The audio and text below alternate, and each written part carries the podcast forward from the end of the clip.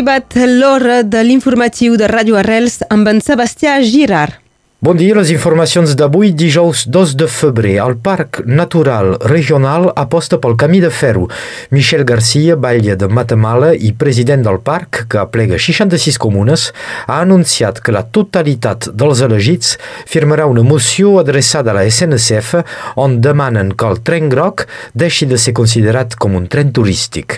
Consideren que la línia de tren que puja del Conflent fins a la Cerdanya ha de ser l'eix vertebrador de la política de mobilitat. El president del Parc Natural Regional ha anunciat la creació de quatre pols de transports multimodals a les estacions del tren groc de Vilafranca, Montlluís, la Cabanassa, Font-romeu i la Tor de Carrol. La secada impacta també la recolta de la mimosa. Enguany, la producció nord-catalana arribarà apenes a 8 tones, ben lluny de la mitjana de 20 tones anuals al Vallespí. La manca d'aigua i les temperatures suaus al principi de l'hivern expliquen aquesta baixada de més del 50%. La prefectura ha comunicat les dades anuals de la delinqüència. Les xifres són dolentes tant a l'estat francès com a la Catalunya Nord, on la criminalitat augmenta. Més 35 20% pels robatoris de vehicles, més 30% pel tràfic de drogues i més 21% d'estafes. La vila de Perpinyà és entre les cinc ciutats de l'estat amb dades de criminalitat molt alta. A Catalunya Sud, el govern català autoritza la creació del parc eòlic de la Junquera. El projecte, portat per l'empresa Endesa, ha rebut la declaració d'impacte ambiental favorable, cosa que denuncia la plataforma Albera Lliure de Molins. Segons els oposants, l'estudi d'impacte ambiental que s'ha validat té greus mancances i obre la porta a la multiplicació d'altres projectes eòlics a l'Alt Empordà i particularment al massís de l'Albera.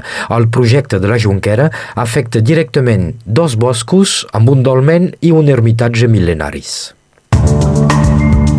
A l'estat francès, el balanç dels accidents de circulació pel 2022 deixa dues dades destacables. La primera és que el nombre de víctimes d'accidents és estable comparat als anys anteriors. Arreu de l'estat, 3.260 persones van morir a les carreteres l'any passat. La segona dada, més inquietant, concerneix les bicicletes. La mortalitat dels ciclistes va augmentar d'un 30%. Sempre segons les dades oficials, es confirma també un any més que els homes són de lluny els pitjors conductors, el 78% dels accidents mortals i el 75% de ferits greus són causats per conductors masculins. Al Regne Unit, mig milió de treballadors van fer vaga ahir dimecres. És el moviment de protesta més important dels darrers 10 anys.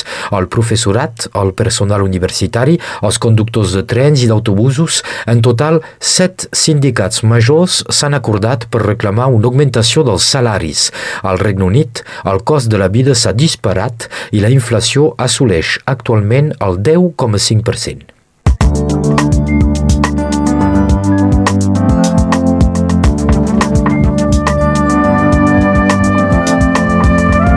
Moltes gràcies, Sebastià. Passem ara a l'informació del temps amb Meritxell Cristòfol.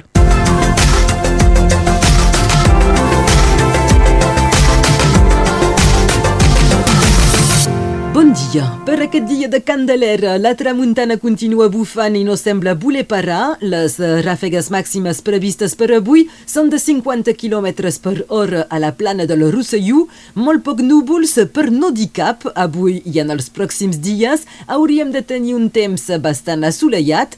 Es pot parlar de neta augmentació pel que fa a les temperatures, 15 graus a Perpinyà, 14 a Sant Cebrià i a la Roca de l'Albera, 13 a Illa, a Calça, 12 a Prats de Moyo i a Sardinya, 12 a Prada, 7 a Sayagosa i 2 graus a Formiguera. Aquesta tarda el sol es pondrà a les 6 i 2 minuts.